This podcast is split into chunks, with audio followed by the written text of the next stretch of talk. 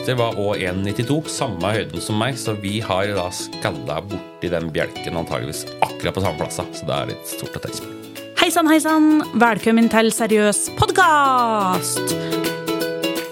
En podkast der jeg, Helle Therese Kongsrud, gjør akkurat som jeg vil og prater med folk tilknytta seriøst firma om smått og stort, viktig og uviktig. I den episoden her får jeg besøk av en kar som er lang, går mye på ski og liker å få folk til å glisse. Det er sjølsagt Eina og Urbane Totningers egen komiker, entertainer og hitmaker Paul Håvard Østby. Jeg håper du likte, og gjerne så godt at du trykker på abonner for å få alle de nye episodene rett inn i spilleren din. Dette er en podkast produsert av Seriøst firma. Har du hatt en fin morgen, Paul?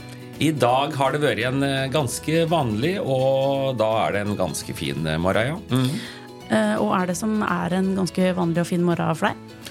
Da er det å vakne av at hun har på klokke, da. Sånn uh, pleier det å være mellom halv sju og kvart på sju, kanskje. Og så har jeg muligheten til å ligge litt lenger i, i senga. Så da er det fram med denne mobilen, da, vet du, og se om en har fått noe mail, og om noen har lagt på Akkurat nå jeg spiller jeg litt Wordfeud igjen, sånn Scrabble-spill på mobilen. Og kanskje noen nyheter, da. Og så står jeg opp kanskje kvart over sju. Og i dag tok jeg en dusj. Ofte har jeg trent dagen før, så jeg er ikke sånn at jeg dusjer hver morgen. Men i dag dusjer jeg på morgenen. Og så rekker jeg å si hei til unga før de skal på skolen. Og så dro jeg ned her på kontoret, da. Jeg syns jo dette var ganske begrensa med scrolletida likevel. Ja, ikke veldig mye, er det ikke det. Men det kan fort bli en uh, snau halvtime da, i senga på morgenen. Ja. Men uh, spiser dere uh, Eter dere frokost sammen og koser dere før de styrter av gårde, eller er de liksom Nei, da er uh, Vi har vært sånn hele tida. Vi er ikke sånn uh, som smører matpakke for unga. Så unga er ganske sjøldrevne. Så de ordner seg og så vidt uh, sier litt hei og sånn. Og så har jeg som regel 20 minutter med Selma, som er den som drar sist. Så vi har liksom 20 minutter aleine til slutt. da. Og hun er sånn som er så tidlig ute, så hun er jo da klar når det er at 20 minutter skal gå. Så hun bare følger med på klokka siste 20 minutter. Tror det er kanskje mange foreldre som blir litt misunnelige når du sier det? Ja, kan hende. Da har vi ei som er motsatt òg, da. Så. Men hun må klare seg sjøl, så hun kommer seg av gårde. Men det er litt mer stress og styr rundt. Jeg eh, tenkte vi skulle prate litt om helga som var. Ja. Eh, den ble jo ikke, helt slik som du hadde forventet. Nei. Men du var i Italia en snart tur. Eh, Ja, jeg er jo ganske glad i å gå på ski. Og så er jeg så heldig å være med litt sånn halvveis i et sånn langløpslag. Team Kaffebryggeriet. Eh, og kompis med Vetle Tydelig som har vært litt primus motor der. Så jeg har vært med. Det er fjerde gangen jeg er med til Marcialonga. Men i år så brøyt jeg, så det er jo litt sånn pinlig. Men eh, ja, det er jo egentlig et veldig fint skirenn, og det var i tillegg veldig gode forhold. Eh, Men da var det litt sånn isete og hardt liksom, ved løypa, som gjorde at jeg etter bare en kilometer eller noe sånt, så knakk piggen på Trinsa.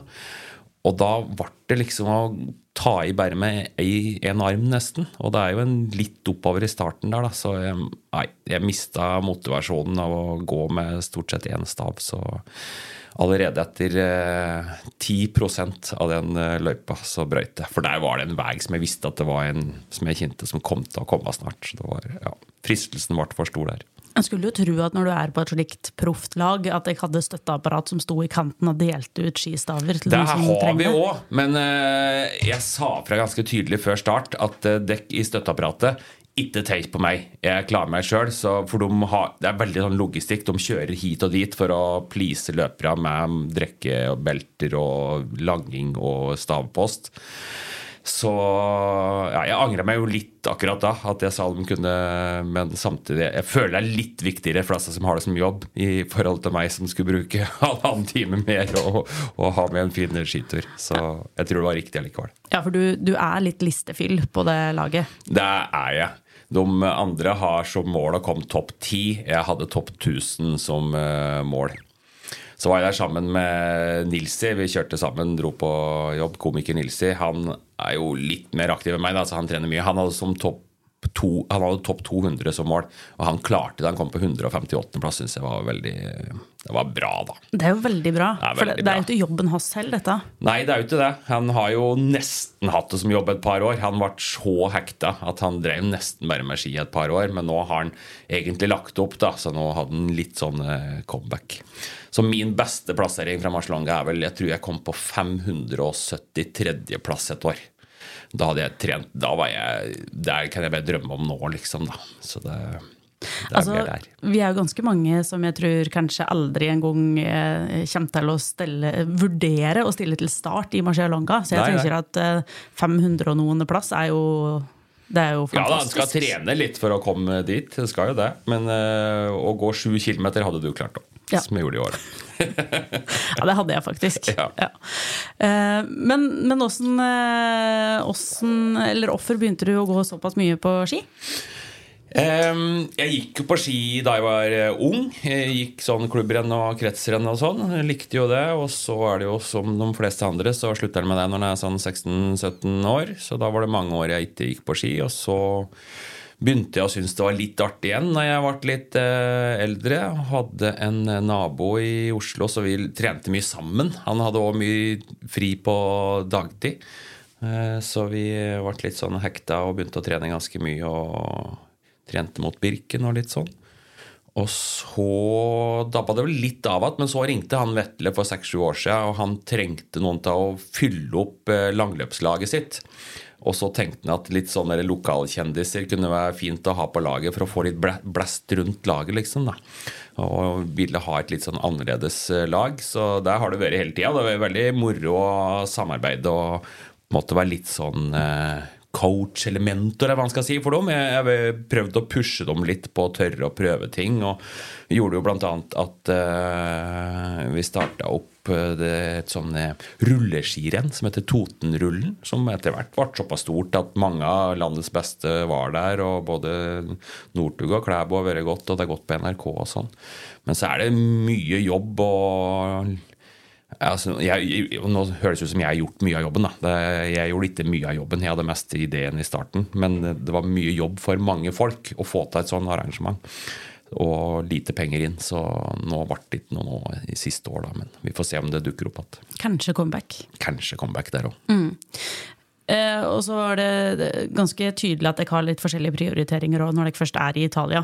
Eh, for da, det, er, det er ikke alle som på en måte nyter det Italia har å by på. på Nei, altså, så er skiløpere er ganske ensporige, må det være lov å si. Eh, de er så dedikerte. Det er altså Ja.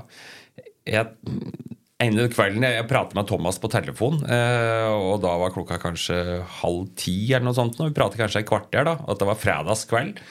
Og da når jeg legger på og går inn igjen, så ser jeg at oi! Alle har gått og lagt seg, ja! ok, ja, klokka er jo snart ti på fredagskveld, så er det klart vi må jo sove litt, ja. ja. Og da har du å si at rennet var jo ikke før på søndag. Nei, det var jo på søndag. Og på lørdagskveld så hadde jo jeg Eller på dagen var det vel rett og slett da. Så jeg hadde jo gleda meg til par-tre dager i Italia. Da blir det pizza og tiramisu og nyte litt. Så jeg lurte på om noen ville være med ut og ete pizza. Nei, de skulle være inne i leiligheta og koke seg pasta, de. Uten noe særlig tilbehør. Så der skal det fylles opp kroppen med riktige mengder karbohydrater da, før, før rennet. Yeah. Da, da kan jeg fortelle deg om at jeg tror det er ganske mye gode karbohydrater i en god italiensk pizza. Ja, det, det tror jeg absolutt jeg òg. Ja, ja var- jeg fikk i hvert fall med meg mye karbohydrater, følte jeg på den. eh, Jeg fant et bra pizzeria. Jeg satt der alene og koste meg med pizza og tiramisu. Jeg eh, tenker jo at du er en fyr med sånn generelt ganske høyt aktivitetsnivå.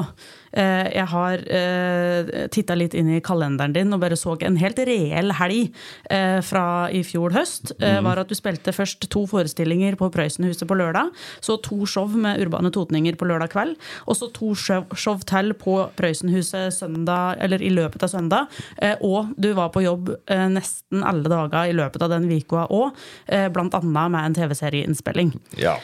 Eh, er ikke sånn hver eneste uke, men Neida. jeg tror du, du liker at det skjer en del.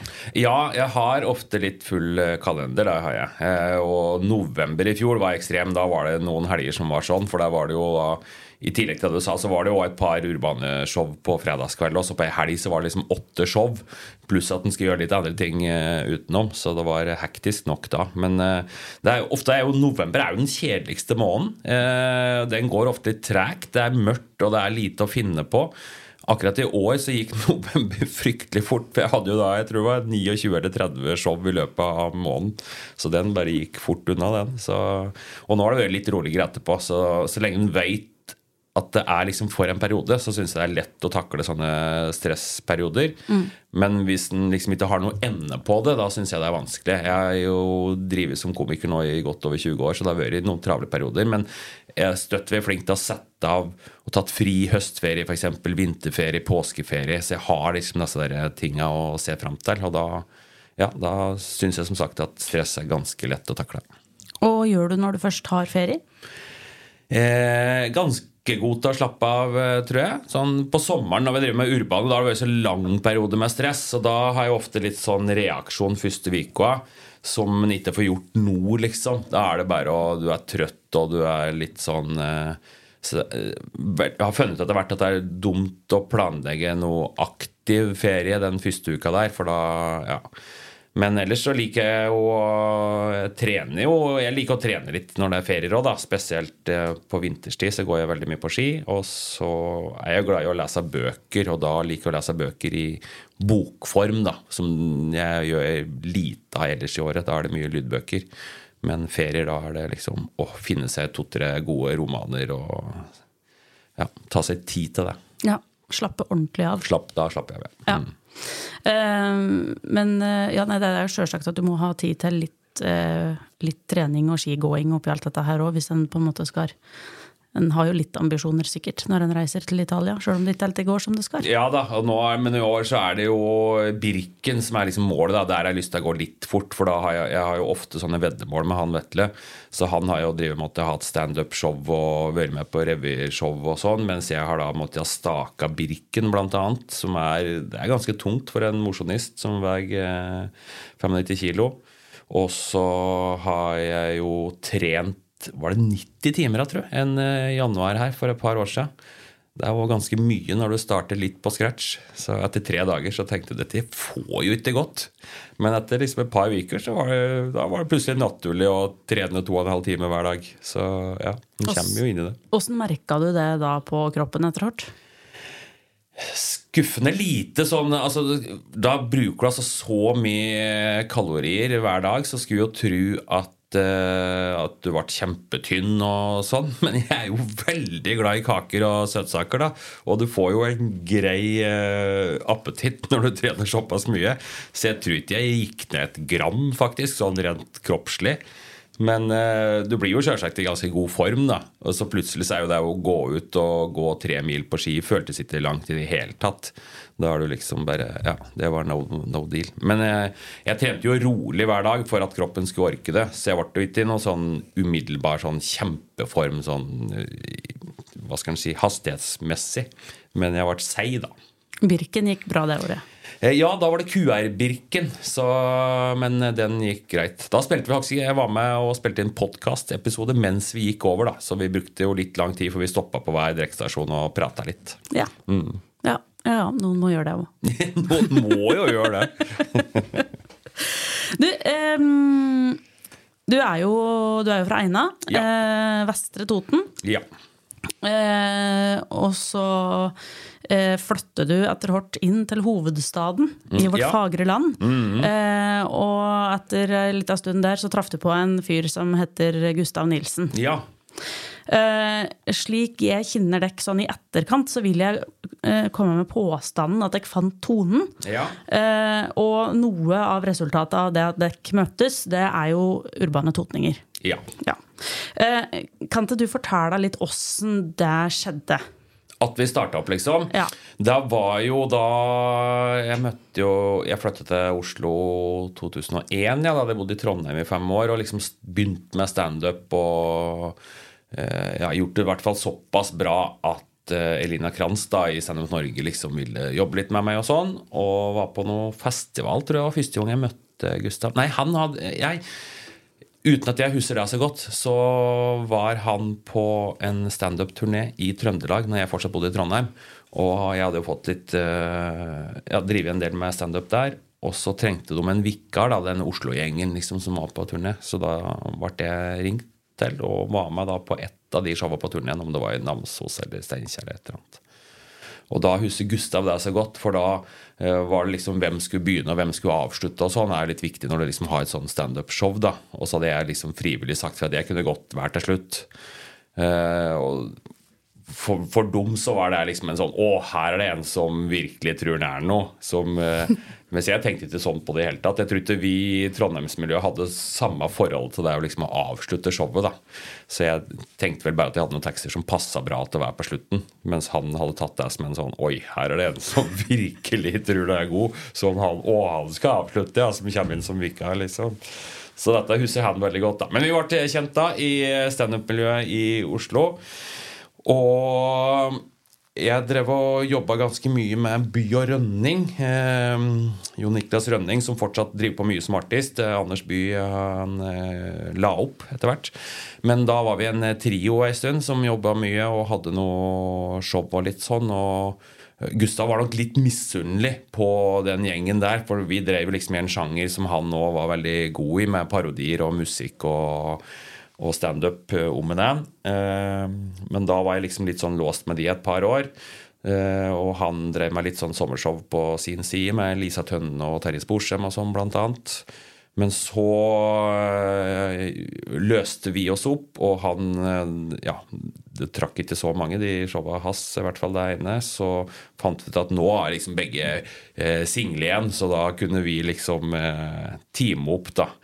Så da fant vi ganske fort ut at eh, litt sånn inspirert av Jonas Rønning, som hadde hatt så suksess med Hønefoss-revyen, så fant vi ut at kanskje vi òg skal gjøre noe i hjemtraktene våre. da. Eh, så da skal nok Gustav ha hovedæren for at det ble på Kapp, i hvert fall. Eh, for han hadde jo litt kontakter der med, med Grete Stensen, som jobba på Kulturkontoret, og visste at de var litt sånn på utkikk etter å få litt underholdning på Kapp igjen. Ja, for her hadde Vasselina drevet og hatt sommershow i ganske mange år. Ja, og det er jo litt sånn artig. Folk tenker jo at de drev på omtrent like lenge som oss, men de hadde jo vel bare fire eller fem show her, og da var også sånn spredd over flere år, så var det ikke at de hadde det på rad, liksom. Men de hadde jo i hvert fall hatt skapt suksess og liksom gjort det her til en scene da, som gjorde at vi kunne nyte godt av at eh, plassen var litt sånn innarbeida. Mm. Men da hadde det vært noen år uten at det var noe her. Men så starta vi opp i 2007 da, og eh, ja, satsa ganske stort, på en måte, da, jeg og Gustav. For da måtte vi bare satse av egne midler, som vi for så vidt ikke hadde her, men uh, lånte midler, da. Så hadde det her i en fiasko, så hadde vi slitt økonomisk. Så vi måtte ha ganske mye folk for å gå i null. Og hadde nesten ikke solgt noen billetter når det var premiere. Så far hans Gustav var veldig skeptisk. Ja, så er det driver med nå, og driver jo du selger nesten ikke billetter. Og jeg var, jeg var veldig skeptisk til den satsinga der. Men så gikk heldigvis premieren veldig bra, og det kom jo folk, og det ble, ble jo kjempesuksess allerede første året. Mm. Åssen eh, fikk dere til det? Ja, hva? Det er jo også sånne X-faktorer er vanskelig å forklare. Da, for det er jo tydelig at vi har truffet noe, noe der. Men jeg tror jo folk syns det var veldig gjevt at uh, vi som da Vi hadde jo blitt litt kjent i Oslo og hadde jo for så vidt ganske høy stjerne i standup-miljøet der. Uh, at vi da liksom samla en gjeng og kom, uh, kom hit da, tror jeg folk syntes var veldig fint. Og hadde sikkert savna litt at dette var en plass da, etter at Vazelina ikke hadde hatt noe her noen, noen år. Men, eh, men, som sagt, vi hadde ikke solgt så mye før premieren, så det var nok hovedsakelig at folk likte showet da, som gjorde det. Og uh, jeg syns jo den sjangeren vi har, der du har et såpass framtredende band som er i tillegg så bra, da. Det er på en måte en sjanger som jeg syns er overraskende at ikke flere har kopiert. For jeg syns jo den typen show vi har med såpass mye trøkk med det musikalske i tillegg til humor er, er fint, da. Så ja. Men det var eh, Vi fant jo fort ut at vi var jo mange flinke folk på hver vår felt. Vi kjente jo den litt fra før. Gustav hadde jo spilt sammen med de fleste i bandet. Jeg kjente jo Jon Anders best av de andre fra før, for han og fra Eina. Så vi hadde jo gått på ski sammen, vi da. Han òg var ganske god på ski. Han har, han har ikke gått så mye de siste åra som jeg har gjort. Det, det, må sies.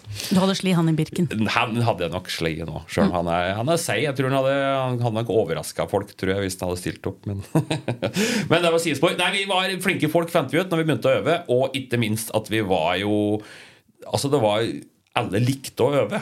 Det tror jeg også er mye av grunnen til suksessen til Urban Totninger. Jeg tror vi øver Vi har mange flere øvingstimer enn de fleste andre show, tør jeg å påstå. Vi liker å terpe på detaljer og prøve forskjellige ting og passe på at det blir bra. Mm. Er det noe du husker spesielt bra fra de første åra? Jeg hadde en sånn kjempegod opplevelse som jeg husker. er jo jeg skriver jo ganske mye av det vi driver med. Og første året så hadde jeg tenkt ut at vi må jo på en måte vise at vi veit at vi tar plassen etter Vazelina. Så jeg hadde skrevet en Vazelina Bilopphøggers musical. Og skrevet ut roller og sanger og sånn. Og jeg er jo ikke noen musiker eller sånn eh, det sjøl. Eh, men i hvert fall så hadde jeg sendt over det her til Torbjørn da, litt i forkant, som skulle være kapellmesteren vår og den som arrangerer eh, musikken. Og da kjente ikke jeg Torbjørn fra før. Eh, så hadde han liksom skrevet ut disse tekstene mine da, og lagt på noter og liksom kopiert opp sånn fint hefte og greier. og liksom skrivet. Det så liksom så proft ut da når vi kom på første øvinga ute hos Jon Anders, og han delte ut de der, og der sto det liksom å, tekster av Paul Over sånn, Oi, oi, oi. Allerede der syntes jeg det var stort. Og så begynte vi å øve inn dette med liksom flere stemmer og flinke musikere og sånn. og jeg skjønte at ok, da jeg liksom hadde sittet nede i denne vesle kjellerkontoret på Tveita som jeg hadde på den tida der, og skrevet, ble liksom plutselig så stort og så fint. da. Så det husker jeg var en sånn mektig opplevelse, liksom å se at det en skriver, kan eh, vokse såpass når flinke folk bidrar med det de er gode til. Og så, ja, så det var, eh, det var moro. Mm. Er eh, prosessen for å skrive et show som Urbane Totninger? Du skriver mye av det. Eh, ja. Eh, for min del så er det jo altså ganske likt som sånn andre jobber som sitter på kontor. Jeg, jeg kan sette meg ned bare for å skrive tekster, og så kan jeg stole på at det blir noe, på en måte, hvis jeg har tid til å skrive.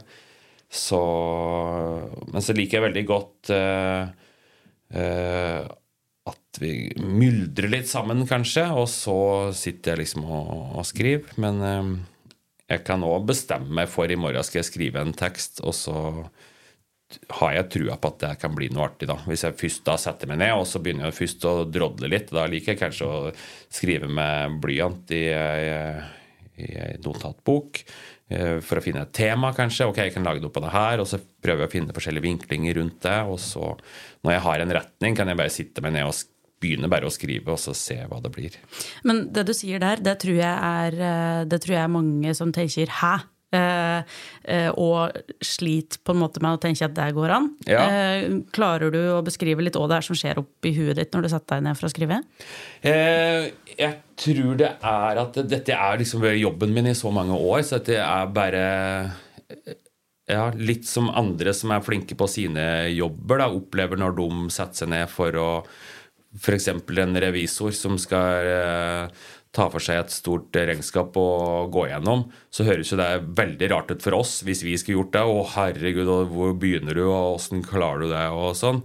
Mens den veit jo på en måte akkurat hva han skal se etter, og åssen en skal gjøre det. Så er ikke det noe problem, på en måte. Nå skal jo de revisorene heldigvis kanskje ikke være like kreative som det du må være, da. Nei, derfor vi håpe. Det er mye eksempler på veldig kreative regnskapsførere òg. Men eh, nei da. Nei, eh, altså kreativitet har jeg støtt brukt, liksom. Og det er vel den jeg stoler mest på av mine egenskaper, så jeg veit jeg kan være kreativ. Men det tror jeg kommer med fordi altså, den skillen er den jeg har trent hele livet. Jeg bruker den hele tida, liksom sånn Jeg jo, prøver jo å støtte å være morsom med middagsbordet òg, på en måte. Mm. Så, så det kommer Ja, det er bare sånn jeg tenker. Da. Har lært meg til å tenke. Blir familien din utsatt for mye? blir utsatt for mye, og det er jo etter hvert null respons.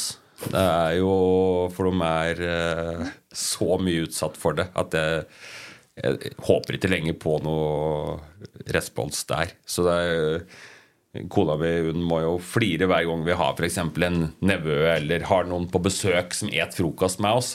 For da er det jo plutselig respons på de samme vitsa egentlig som jeg bruker ellers. Så da får jeg ofte litt fot, da. Så da blir det litt sånn Å ja, nå får du respons, tydeligvis. Ja, da.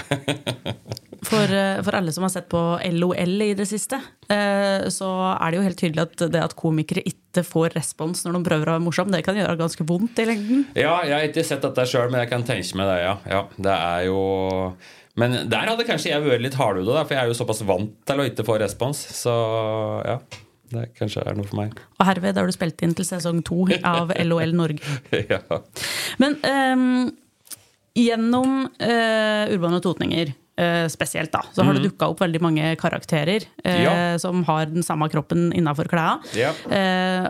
og vi skal prate mer om én spesiell en av dem. Men først så har jeg lyst til å høre litt om åssen disse karakterene dukker opp. Ja, det er jo òg litt sånn da at jeg bare sitter og skriver, og så trenger jeg noen karakterer. Vi har vært litt sånn utypiske på show, så har vi ofte hatt med en litt sånn lengre bolk til slutt. Litt sånn det starta som en musikalparodi, og etter hvert så ble vel parodielementet nesten borte. i hvert fall en stund. Eh, men der har vi i hvert fall trengt liksom litt karakterer, og de, de, får jo ofte litt mer tid enn et revynummer. Det er vanskelig liksom å bli en karakter på et fireminutters uh, nummer, men når vi har hatt disse der, så har det på en måte vært rom slik at, at den kan ha litt mer enn én egenskap i hvert fall da, på en karakter, og at uh, publikum blir bitte litt uh, kjent med dem. så da er det jo ofte greit å ha liksom én sånn klar egenskap. da, At den er sånn, liksom, at det er utgangspunktet, at den har en retning. Om det er en som uh, F.eks. hadde jeg en karakter en gang som uh, bare fant på som et element Og det er artig at den fullfører setningen til den den prater med, hver gang. Uh, så da begynner jeg å skrive med det for øye, liksom, og så plutselig blir det og ja, men Da er det artig at den er litt sånn besserwisser òg, kanskje, da, hvis den først er der, liksom. Og da har du plutselig to egenskaper ved en figur som er Da har du kommet ganske langt. Så da mangler du på en måte bare en måte å prate på, kanskje, eller eh, noe sånt. noe, så har du mye av en figur. Kai Tommy Steffensen, han vekterfiguren som jeg har vært en del, han kom jo Eh, jeg var innom bensinstasjonen Jeg skulle på øving på Kapp, da bodde jeg i Oslo. Og så var jeg innom på Skreia på en bensinstasjon og fikk plutselig lyst på lakrisbåter, som hang da sikkert tett ved der. Eh, og så kjører jeg gjennom Skreia sentrum, så havner da en lakrisbåt eh, oppunder leppa mi som en sånn snus. Og plutselig da så blir jeg liksom litt sånn tøffere med en gang og begynner å ta det. Og da hadde jeg egentlig da var liksom Kai Tommy på plass når jeg kom til Kapp. Så hadde jeg veldig for meg åssen han var, og åssen han prata og sånn. Så de er mer inspirert liksom, av ideer og noe som skjer, enn av folk du møter? Eh, ja. Eh, veldig få karakterer som er bygd på reelle personer, faktisk. ja. Det, støtt, det tror nok folk at det ofte er. Det, men det er nok mer en sånn sammensmøring av flere. Eh, og så var det jo f.eks. Håkon Skau, som er den jeg veier mest. Den var nok inspirert av et par stykker første gang liksom, når jeg skrev og lagde karakteren. Men den ble liksom bare en egen person ganske fort. Så den er ikke ulik noen av de som var opprinnelig inspirasjon, kanskje. Nei, og han er jo den som på en måte har hengt i ved eh, lengst og ja. i størst grad. Mm. Eh, vi skal høre på et lite klipp.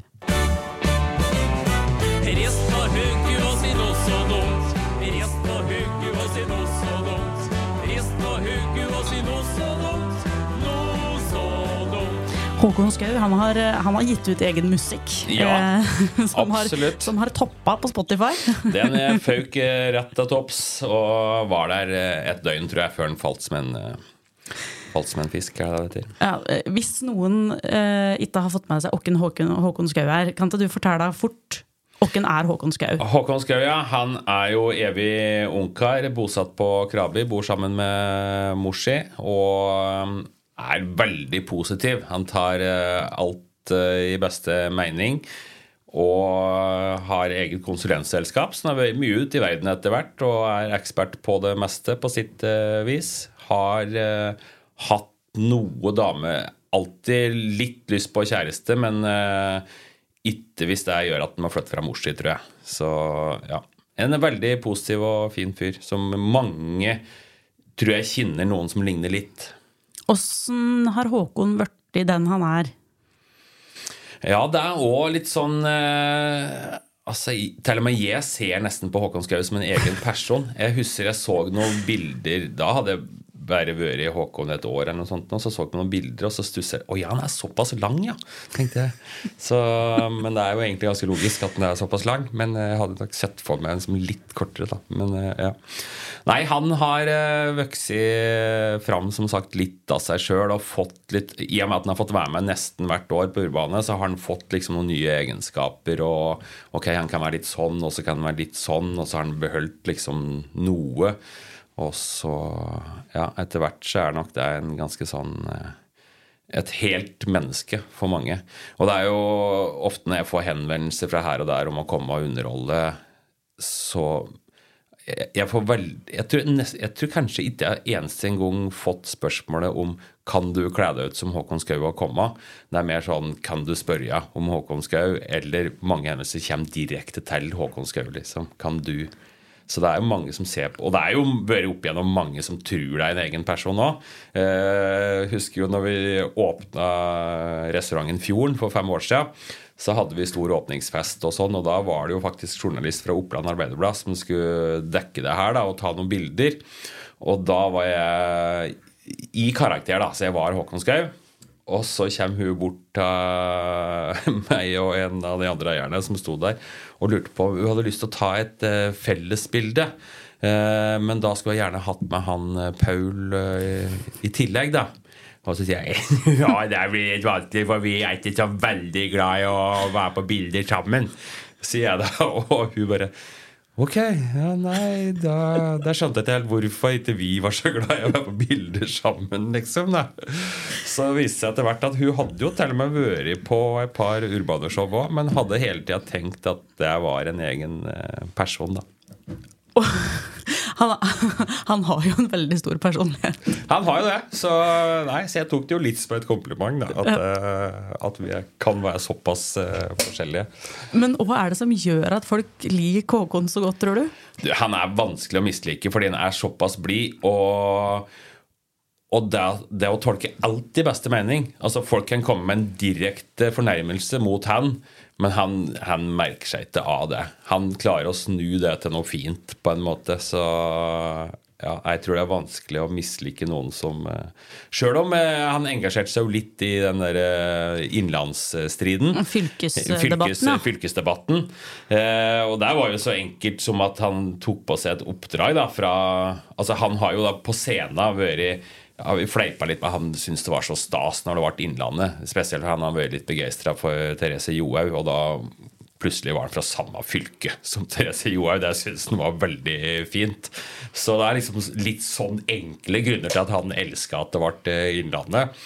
Uh, og så i et nummer så hadde han uh, Han var hyra inn for Hva var det vi kalte det? Norgel inn, eller noe sånt. Var det sånn, no, ja, orgelprosjekt for Innlandet. Så målet var at alle skulle ha hvert sitt stueorgel og spille samtidig på noe Britney Spears. Så veldig søkt. Men det gjorde i hvert fall at han ble da hyra ut for å lage en radioreklame for de som ville beholde Innlandet. da.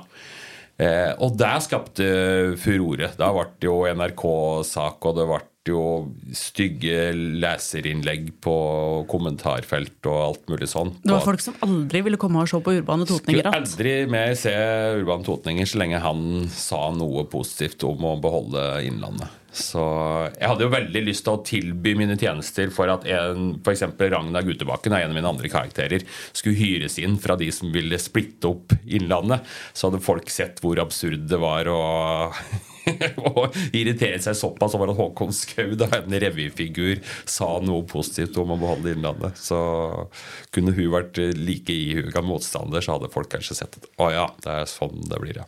ja. Mm. Eh, jeg veit om ei til som ikke nødvendigvis er like glad i Håkon Skau som resten av verden. Eh, for jeg har prata litt med kona di ja. om Håkon. Ja. Og bare for, det, for jeg òg syns det er litt vanskelig eh, å se Håkon i øya og tenke at han er noe annet enn Håkon, Mhm. syns det er litt vanskelig. Og er det som går inn her, egentlig? Så jeg hadde en prat med kona di om dette her, og hun Ja. sa han har ingen plass i huset vårt. Det sa ganske kontant. Nei, det er nok eh, sjelden jeg føler for å være Håkon Skau på hjemmebane. Det er det nok. Ja. Sjøl om jeg har gjort noe opptak i gangen, kanskje, da. Hvis det er noen sånn videohilsen eller et eller annet sånt. Det har jeg nok gjort. Hit, men ikke lenger. Hit men ikke lenger. Ja. Han er, hun har aldri gått til sengs med Håkon Skau. Det er jo flere som har lurt på. Det, jeg tror ikke han hadde hatt sjans der, altså. Men, men, eh, men og nært deg er han liksom Altså, å langt unna er Håkon i, i huet? Jeg, ja, det, det er ganske langt unna. Vi er helt eh, separate, egentlig. Sånn, det er først når jeg får på den parykken at jeg er eh, Da blir jeg liksom han og tenker som han og sånn. Og så er det, ganske, det er veldig, altså Hovedgrunnen til at han har vært med såpass mye, er jo at når jeg setter meg ned og skriver tekster, så er det jo det er jo dobbelt så lett å skrive tekster for Håkon Skau som andre tekster. Fordi du får det ekstra laget som gjør at veldig mye blir moro, liksom. Ja, rart å forklare, eller vanskelig å forklare. Men eh, altså vitser som ville døtte helt igjennom hvis jeg skulle ha sagt dem, som meg sjøl, og så er det han som sier dem, så er det plutselig kjempemoro, liksom. Så ja, du får et ekstra lag. Ja. Det er, det er fascinerende åssen han funker. Ja, det er det. Så, men det er moro å være han, da. Men det er jo ja, litt sånn som kona mi sier òg, så er jo eksempel når jeg gikk Birken i fjor, så var det jo flere som heia på Håkon langs løypa enn som heia på Paul. Det var det. Så, så folk er liksom Kom igjen, da, Håkon! Noe så dumt! Og, og bare for ordens skyld, da hadde du ikke parykk på deg. Da hadde jeg ikke parykk og ikke, ikke engang magetaske, selv om det er en del skiløpere som bruker det ja, kanskje bak, da. Men ja. Men altså, eh, de siste åra så har Håkon han har både prøvd seg på Eller han har kjøpt seg hus. Eh, Han har prøvd å få seg kjæreste. Vært mye på Tinder. Ja. Eh, Åssen ja. ser framtida til Håkon ut? Du er jo litt sånn spent på Mora må jo begynne å bli ganske gammel nå, da. Så jeg håper jo hun holder seg eh, frisk ganske lenge. Hvis ikke så tror jeg han Da må han nok intensivere jakten hvis hun skulle bli borte. Jeg tror han Jeg tror det er bra for han å bo med noen, da. Ja. Ja. Og det, det skorter jo ikke på tilbud, faktisk. Nei, han har bra med tilbud, og spesielt da fra andre deler av verden. Når han var på Tinder, så var det flust med raske tilbud der. Så, så nei, jeg tror framtida er lys eh, sånn sett, altså. Eh, sånn sett, eh, framtida til Paul eh, er eh, om ikke ja. Ja, Nå ble jeg litt for filosofisk inni huet, så nå gikk jeg, men den er i hvert fall mer konkret, kanskje. kan Ja. vi si. Eh, for først nå så skal dere ha en liten eh, sjarmøretappe på Chat Noir. Mhm. Eh, urbane totninger. Vi hoppa liksom elegant over hele den enorme veksten som urbane totninger hadde. Ja, sånn kan jeg si fort at det var, det var bra fra starten, og så har det blitt flere og flere folk. Ja. Ikke på scenen, men i salen. da. Ja. Ja. Og faktisk over 35 000. Ja, vi har vel eh, rekord rundt 35 000 ja, på en sommer. Eh, det går jo bare vers og 500 inn i dette teltet. Ja. Eh, klarer du å se for deg liksom 35 000 stående nede på teltplassen her og klappe og juble og glise ta Urban Totninger? Nei, det er altså så mye folk. Jeg har jo vært på konsert med Bruce Springsteen og Elton John og sånn i Telenor Arena. Og når du ser liksom ut der og tenker på Å ja, det er det dobbelt av dette, ja! Som var og så på oss i sommer. Det er mye folk! Så nei, det er enormt mye folk, altså. Så jeg er eh, ydmyk og stolt og takknemlig over over at det kommer så mye folk. Og vi har jo, I fjor så satte vi jo Da kom det jo på en måte enda flere. Da, da juksa vi litt, da, for vi hadde, var både på Chat Noir og på turné og hadde et NR-show på Kapp på sommeren. Men totalt sett i fjor så var det jo vel rekord som så oss. Over 40 000 sikkert. Eller husker ikke. Eh, ja, for dere hadde, selv om dere nå har hatt base da, på Kapp, så har det liksom løgget en liten sånn drøm om å reise tilbake der dere alle en gang var unge og lovende. Den store byen Oslo. Eh, og det eh, bestemte dere for at dere skulle gjøre vinteren 2023. Ja. Ja. Det ble Det var vel Vi hadde liksom vært oppe til vurdering tidligere, og vi har vært så glad i å være på Kapp, liksom. Og så er det jo, det er jo fire musikere og det er fire skuespillere, og par av de er i vanlige jobber, og det er jo mye forskjellig vi driver med, så vi har liksom ikke kapasitet til å være urbane totninger året rundt. Så sånn sett har det vært fint å ha det liksom som en sommergreie. Eh, men så har vi jo drevet i mange år, og så i hvert fall jeg for min egen del begynte å tenke sånn eh, når vi på en måte legger opp noe, noe om noen år, da, kommer vi til å angre på noe? Og så merker jeg på meg sjøl at ah, da kommer jeg kanskje til å angre på at vi ikke prøvde å sette opp et show i Oslo. Så da begynte vi å prate litt sånn, og det virka som at nå var liksom timingen god. Nå hadde alle egentlig lyst til at vi skulle sette opp et show i, i Oslo. Da. Og det mm. gjorde vi, og det merka vi på hele gjengen at det, det syns vi var moro. Og det var så fint, i hvert fall for min del, da, som bor rett ved her vi har teltet på sommeren. Så er det ikke så sosialt liksom etter show. Vi drar som ofte hjem igjen. Mens her var vi ofte innom en pub og tok en øl. Og det ble liksom så sosialt for hele gjengen. Så det var veldig fint sånn sett òg. Bortsett fra Gustav, som nå gikk hjem igjen rett etter show. Nå var det han som eh, dro greit hjem igjen. Så det var eh, ja, ble, ble litt rollebytte. Men altså, det ble eh, 30 så å si utsolgte show på ja. Januar mm. i, i fjor vinter. Eh, var det ikke på noe tidspunkt redde for at dette ikke kom til å slå an utafor Kapp? Eh, nei, men jeg, jeg, trodde det skulle være enda mer prega av at det var folk fra Innlandet som tok en Oslo-tur. Eh, men vi merker vi får jo rapporter på hvor billetter og sånn er kjøpt, og merker jo litt på responsen nå. Spesielt når jeg er Håkon Skau, f.eks., for, eksempel, for da er det ofte litt jubel når det er folk som kjenner Håkon fra før. Mens her var det jo på torsdager og tidligshow på fredag f.eks., så var det jo ikke folk som hadde sett Håkon Skau før. Så da var det jo ikke den responsen, så da må du liksom gjøre det fortjente responsen i cella. Så Nei, så det var masse Oslo-folk. Masse folk fra nedover eh, Østfold, og mye folk fra liksom sånn ja, Akershus, da. Som kjøpte billetter, i tillegg til en del tilreisende, sjølsagt. Så, så, på lørdag kveld så merker vi at ok, nå er vi på hjemmebane. Nå er det Toten og Hedmark som er her. Mens eh, ellers i Vika så var det mye byfolk og sånn. Mm. Men åssen var, eh, var, den opplevelsen å stå på Norges eh, mest ærverdige revyscene? Altså, de aller største revyfolka i Norge har stått på Chat Noir før dere. Ja. kjente, kjente, du noe på det? Eh, vi, ja, men mest kanskje første gang vi var inne der. Og sånn, og så var vi jo der og øvde ganske mange dager. og og da var vi litt aleine og brukte liksom bakinngang og ble kjent i garderobe og ble kjent på huset og ble kjent med folka der. Så vi følte oss egentlig fort ordentlig på hjemmebane der òg, vil, vil, jeg si. Og det var jo også koselig å merke responsen fra ja, både sjefa og de som jobba på Chat Noir, at de syntes det var så stas at det var en, et sånn type show der igjen. Eh, for som noen der sa, at vi har jo de siste åra vært nærmest en sånn konkurrent til Latter. At det har vært mye standup-show og enkle show sånn riggmessig, da, men at, det er liksom fullt band og fire i front, det er uvanlig der òg. Og litt sånn det var i gamle dager, når Dizzie Tunes og andre, andre av de gamle helta drev på, så var vi et show som kanskje Sjøl om vi er på en måte mer moderne i uttrykket, så minner vi mer om dem, da. Og det syns de var stas. Mm. Jeg eh, tenkte veldig på når jeg var backstage, at der er det ganske lavt opp under taket. Ja. Eh, du merka det bedre enn andre? Ja, det er litt artig, for jeg fant det ut Leif Juster var òg 1,92, samme høyden som meg, så vi har da skalla borti den bjelken antageligvis akkurat på samme plass. Så det er litt stort å tenke på. Det, det er litt artig. Mm, mm.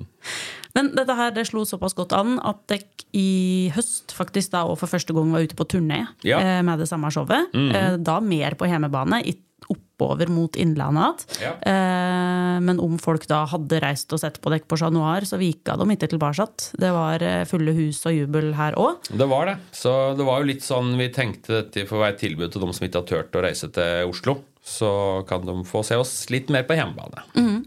Men nå blir det Oslo igjen? Ja, vi eh, syns det var såpass artig at vi tok et par helger til der. Så nå det virker som det er ganske bra. Men Det er litt billetter, så det er mulig å få seg billett der nå.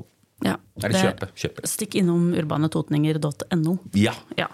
Så ser en hvor det er eh, ledig hen. Mm. Um, dette, altså 2023 var jo et intenst år. og Hvis vi ser liksom det som skjer nå i februar, det blir litt en, del av fjoråret. på en måte. Ja. Eh, men derfor så tok dere òg avgjørelsen i fjor høst om at det blir ikke noe nytt sommershow på Kapp Nei. i SAMAR. Det, var jo, det er jo en dramatisk eh, avgjørelse. Vi har jo vi merker jo ofte fra nærmiljøet og sånn rundt at det er jo hele tiden en forventning om at Urban ikke skal gi seg, og det blir vel nye show og sånn. Og jeg husker for noen år siden som både jeg og Gustav var ganske klare på at eh, nå må det ikke tas som en selvfølge at det blir show neste år. Nå skal vi ha en evaluering til høsten, for det er noe vi driver på lenge og sånn og sånn.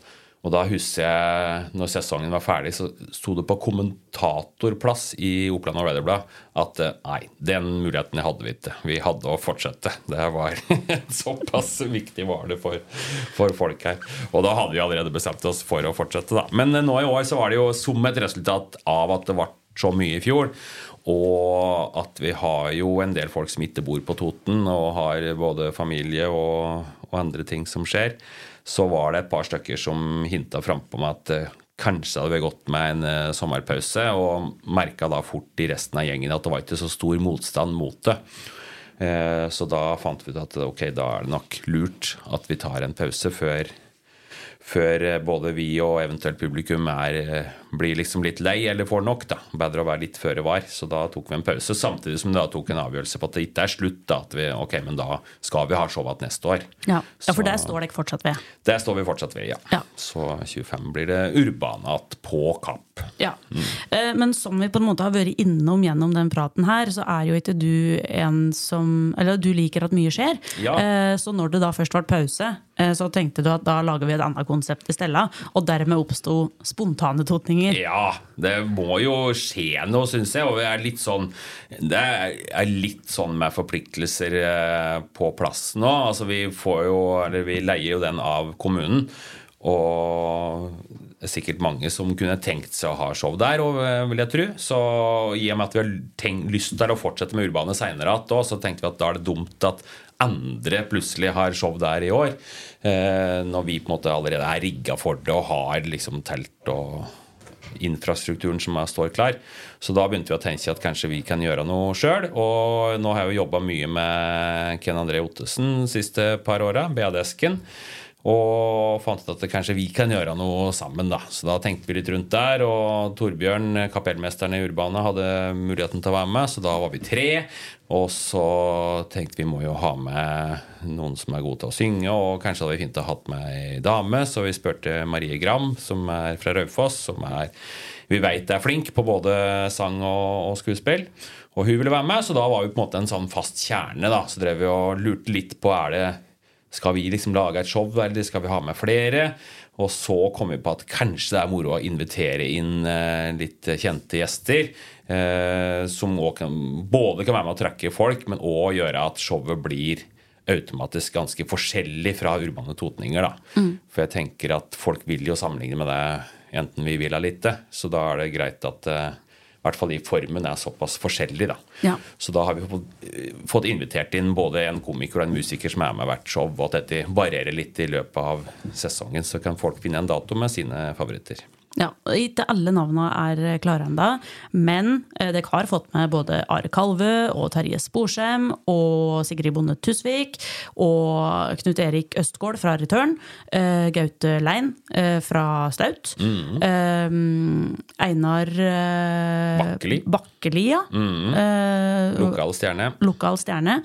Eh, og Bare Egil. bare Egil. Ja, da kanskje alle nevnt. Ja, Det er klart at det, det, blir, eh, det blir noen variasjoner her. Det gjør det, og det er jo mange av våre favoritter sjøl. Vi syns det er artigst å invitere inn folk som vi syns er flinke og artige, og som vi har lyst til å jobbe med. Og det har jo vært Jeg må si det har vært opptur at folk har vært så positive når vi har eh, spurt. Og fått mange sånne ja tvert før de har fått sjekka kalendere nesten og sånn. Så det er litt sånn, Jeg tar det som en litt sånn kompliment på at vi har klart å bygge opp noe som folk gjerne vil assosieres med. da. Og det virker som det er mange av dem som gleder seg til å være med oss noen dager. og ja, Jeg er veldig spent på det sjøl, og de skal få litt boltreplass. Og samtidig som noen gjerne vil gjøre ting sammen med oss. Og, så det blir liksom litt sånn variasjon fra, fra dag til dag. Og det blir jo noe helt nytt, da. Det blir helt nytt. Det gjør det. Så jeg, jeg liker jo ofte å prøve, og syns òg jeg er ganske flink til å sette meg i publikums sted, på en måte, og tenke ok, hva ville jeg likt å sett sjøl? Ok, nå blir det ikke urbane totninger. Da, må liksom, da vet en at ok, folk har likt å se det. Samtidig som må være ydmyk nok til å tenke at en del har sikkert tenkt at ja, ja, men det hadde jo vært ålreit å sett noe annet, sikkert. Så liksom det å snekre sammen noe som jeg tror tror jeg hadde likt å se sjøl, er det, det vi skal prøve her. Har du lyst til å si hva du gleder deg mest til? Med showet? Eh, åh, vi har jo ikke lagd liksom showet ennå, så det er jo Men eh, eh, jeg syns jo det er moro. Sånn som i fjor, da, så satte vi jo opp Morrasol camping, som var et helt nytt konsept, liksom. Og jeg elsker jo å lage show sammen med Urban Totninger, men samtidig så var det òg moro å være en ny gjeng og liksom skape noe nytt. Og nå skal vi gjøre det her òg, på en måte. Og vi skal ha de første møtene og planleggingsmøtene nå i, ja, i morgen, faktisk. Dagen etter vi spiller inn dette her. Så da skal vi bli litt kjent og finne ut litt hva forventninger har vi sånn og sånn. og jeg er jo veldig glad i For meg så er jo ofte det der å skape showet nesten det artigste, da. Det er jo nesten dumt å si, for det Ja. Folk, det får ikke folk med seg. De ser jo liksom når vi spiller showet. Men det er jo liksom å lykkes med å lage et nytt show, det syns jeg er veldig stas. Mm. Du var inne på Morrasol camping. Eh, noe, har du noe nytt å melde der? Blir det å se att? Håper det. Vi har ikke satt opp noen datoer og sånn, for da ble det jo en ganske stor gjeng der òg, så alle må liksom ha tid. og og, men jeg syns det ble kjempemoro. Og jeg syns vi lykkes veldig bra med å skape noe som eh, en målgruppe som ikke har så lett for å le, syns var artig. Liksom det å treffe en 12-13-åring eh, med humor er ikke så veldig lett. Men eh, jeg veit mange i den målgruppa som var og så på, som syntes det var kjempemoro. Samtidig som det fenga folk på 6-7 år, og det fenga ikke minst mange voksne da, som jeg tenkte var de letteste nesten å fenge. Og jeg tror de òg syntes det var moro, sjøl om det var en del barnslig. Så Klart det å se på fetter Petter som har en levende vitsmaskin og får myntinnkast i rørleggersprekken, det er jo artig. Det er. Så nei, litt sånn ellevill humor var artig å utforske litt. Ja. Ja, men Da håper vi, håper vi, det blir et gjensyn med Morrasol camping etter hvert. Og så ja. veit vi at vi ser uh, spontane totninger med supergjester på Kapp i Samar. Ja. Og så veit vi at vi ser uh, urbane totninger på Chat Noir nå i februar. Ja. Uh, og så tipper jeg at både Paul Håvard Østby og Håkon Skau kommer til å bli at du ser dem rundt omkring? Ja, det er fort gjort. Det er jo Både jeg og Håkon gjør en del jobber for bedrifter og sånn. Eh, Håkon elsker jo å holde foredrag, blant annet. Og vi er jo stadig vekk og Det var litt artig vi prata på i stad med, med Håkon Skau. Vi leste jo i var det Totenblad i går om eh, Nordbohus Innlandet, som hadde hatt så bra år, til tross for at eh, byggenæringen har gått så ned. Og de ga jo tydelig eh, mye av æren til Håkon Skau, faktisk, som var med og spilte inn et par fine reklamefilmer for dem, som fikk mye blest. Og de produktene, i husa Lillo hadde jo nå virkelig gjort det bra uh, pga. den blasten. Altså, det er veldig stas at Håkon Skau liksom kan sørge for gode resultater i byggebransjen. Det er bra. det er bra. Eh, jeg tenkte vi skulle avslutte med et lite minne eh, fra Ti i skuddet eh, tidlig på 2000-tallet. Ah. Det vi skal høre nå, du Kan få lov til å bare, kan ikke du si litt kort om hva det er vi skal høre? Da tror jeg vi skal høre 'Bønder i kamp' med Toten Gangster Motherfucker. Takk for at du kom, Bernt. Jo, bare hyggelig. Ta vekk som tror at totninger er trege. Ta vekk som tror vi bare plukker potet. Fra alle øst på Toten. Østre til vestre.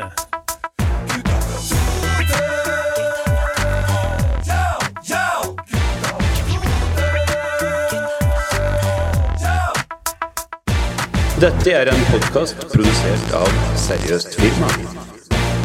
Om du sier at Toten ikke er ei rappebygd, så er du sikkert en kuksuger som går på trygd. Nå hold du kjeft, mann, det er et komplott. Snart vil dere sjå at det er Toten som er hot. Dere sitter fine stuer og sier til deres fruer at vi bærer dere hjemmebrent på subsidier av velte kuer. Sier at vi ikke kan noen ting. Jeg er en jævel til å rappe, hugge ved og danse sving. Langt bedre enn doktor Alban. En konge på scenen. Tøffeste typen fra Raufoss med Lena. Jeg har ranet og sjikanert og sløst med flere stykker. Jeg er en tøff type. En Toten-gangster motherfucker. Du bor blant fjell og fjord, Toten er mer enn kønn og jord. Jeg har